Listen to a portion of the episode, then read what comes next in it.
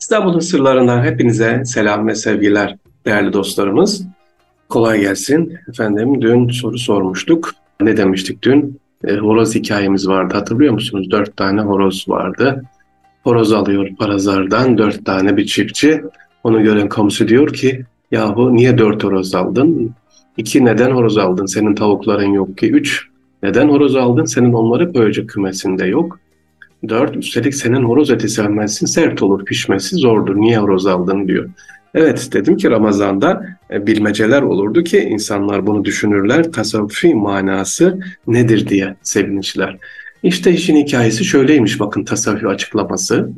Devletçiler diyor ki dört tane horoz alıyor pazardan. Yani horoz idarecidir. Horoz sesi gür çıkar. Horoz aynı zamanda çekip çevirir kümesi. Buna göre dört diyor horoz bir şeriat, tarikat, marifat, hakikati sembolize eder. Şeriat ilahi yasalardır, Allah'ın kurallarıdır. İnsan sağlığına dikkat etmesi, yemesi, içmesinde dengeli olması bu ilahi yasadandır. Haramdan uzak durmak bunlar şeriattir. Tarikat insan dünyada yaşarken maddi eğitim aldığı kadar manevi eğitim de almalı. Bunun yolu da daha önce bu eğitim almış kişilerle görüşüp irtibata geçmek, onlarla konuşup ana yola çıkıp otobandan nasıl gidilir, nasıl Allah'a ulaşılır onun eğitimini almaktır. Yani önce şeriat yani kurallar sonra da eğitim geliyor. Üçüncüsü ise marifet yani bilgi arttıkça kişinin Allah'a olan sevgisi artıyor. Onu tanımaya başlıyor, onu sevmeye başlıyor. Sevmeye başladıkça da merakı artar merakı arttıkça daha da meraklı olur ve soru sorması artar, doyumsuz bir hale gelir. Dördüncü horoz ise hakikat diyor. Artık soru da kalkar hakikatte, merak da kalkar. Her şeyin sonlandığı yer. Çünkü Allah'ın kendisiyle buluşur. Hakikat Allah ile bir olan artık soracak bir şey kalmaz. Aynen görür merak ettiği her şeyi anlatır verir diyor sevgiliciler. Peki bu birincisi neden horoz aldın? Senin tavukların yok ki sorusunun cevabı neymiş? Burada hakikat boyutunu görmediği için şeriat aleminden soru soruyor. Yani komşusu soru sormakla haklı. Çünkü gerçekten adamın kümesi yok, tavukları yok. Ona bir cevap vermesi lazım. Burada demiş ki bilmecede eğitimci karşısındakinin bilgi seviyesine göre eğitim vermeli. Üst perdeden anlamayacağı şekilde değil, herkesin anlayacağı şekilde eğitim vermeli. Günümüzde bunun üzerinde pek fazla durulmuyor işte sevinciler. Pat diye hemen bilgi ya da mucize, keramet üzerinden bahsediliyor. E, yani şeriat, tarikat, marifet, hakikat sıralamasına uyulmuyor.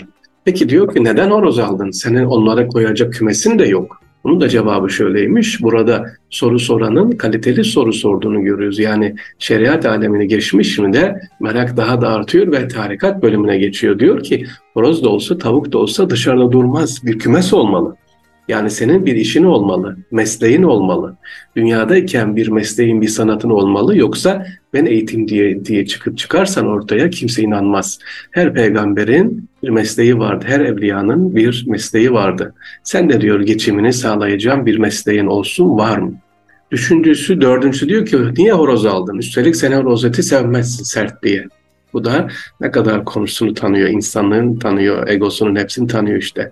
Diyor ki eğer sen tüm insanlığı sevmezsen, tüm yaratılanı sevmezsen yaratandan ötürü hakikat alemine geçemezsin. Hakikat aleminde sadece yaratan ve yaratılan var. Yani arada seviyorum, sevmiyorum, hoşlanıyorum, hoşlanmıyorum. Hepsi Allah'ın mahlukatı diye seviyor musun diyor. Böyle bir güç varsa sende tamam diyor.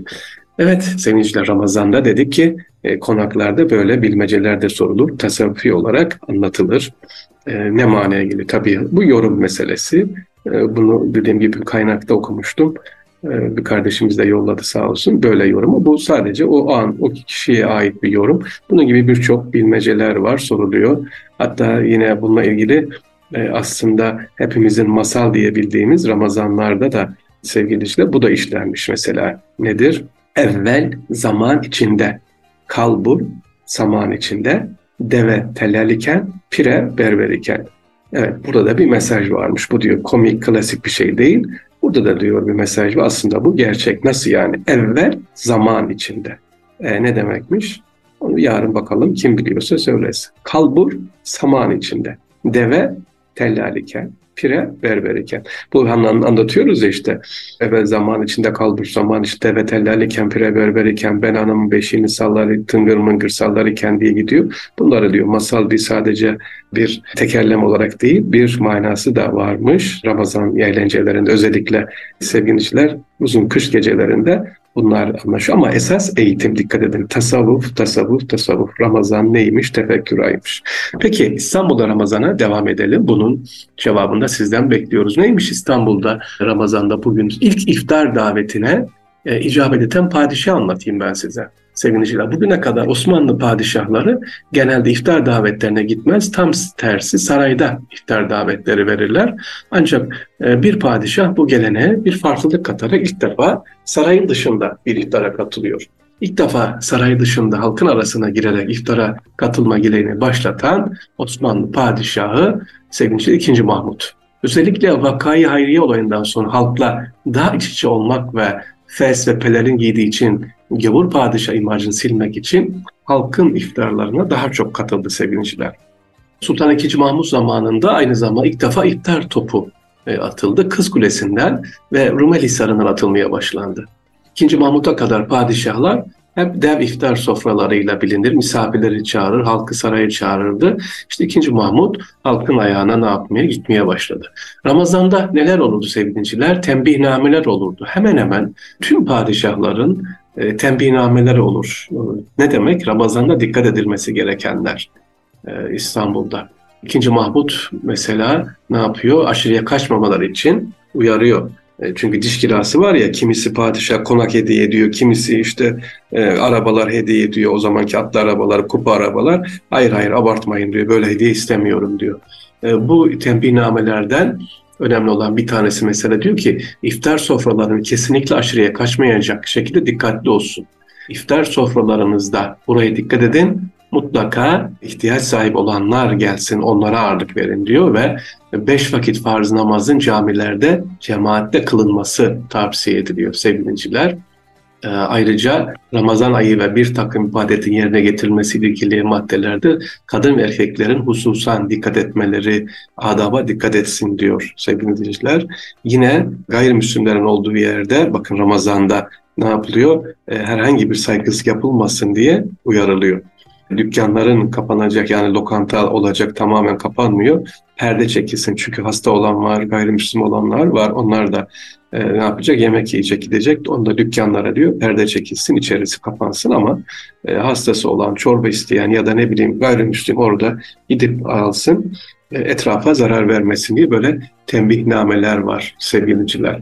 İstanbul'da e, önemli olan bir başka konu da nedir? Ramazanlarda dikkat edilmesi gereken e, sevgiliciler bir uygulama, bu da pek bilinmiyor. E, bazı gönüllü kişiler işte özellikle tekkedeki dervişler e, saat şey, şimdiki 4-5 gibi hani orucun en böyle sıkış zaman var ya sinirler tepeye çıkmıştır. Hele bazı kardeşler şey kullanıyorsa yani tütün kullanıyor, tütün diyeyim ben artık. Allah kurtarsın, hele nargileden kurtarsın. İşte bunlara zordur akşamı beklemeleri. E, onlar tembihnamelerde bulunuyor. Nasıl gidiyorlar böyle e, duraklarda, o, o zaman tramvay duraklarında sakin ol diye. Onları sabrı teklif ediyorlar efendim. Bunlar saat 4'te, işte 2'den sonra çıkıyorlar. Çarşılarda, pazarlarda, otobüs duraklarında, yollarda sabır, sabır, sabır diye onları sakinliğe davet ediyorlarmış efendim. Hani bugün bizde var ya, e, iftar diyelim ki 7'de okunuyor, 6'da trafik sıkışıyor, dağıt dağıt, düt düt. E, o zaman da varmış bunlar. E, bu dervişler Allah razı olsun. İşte bakın tekkelerin faydası da insanları sabra davet ediyor, sakin olmaya davet ediyor. Oruç da budur zaten. Keşke evde de böyle bir telkin eden olsa diyeceksiniz değil mi? Niye? İftar 5 dakika geç kaldı ya da 2 dakika sofra geç hazırlandı diye kızanlar var. Hatta iftardan 10 dakika önce sofraya oturanlar var. İşlerin haşlayanlar varmış, yoktur inşallah. Bunlara da ee, Allah kolaylık versin efendim. İnşallah böyle sabırda güzel bir Ramazanımızı geçirelim. Daha nice nice zar Ramazanlar hep beraber olalım diyoruz. İstanbul'un sırlarından hepinize selam ve sevgiler efendim. Allah'a emanet olunuz. Kolay gelsin.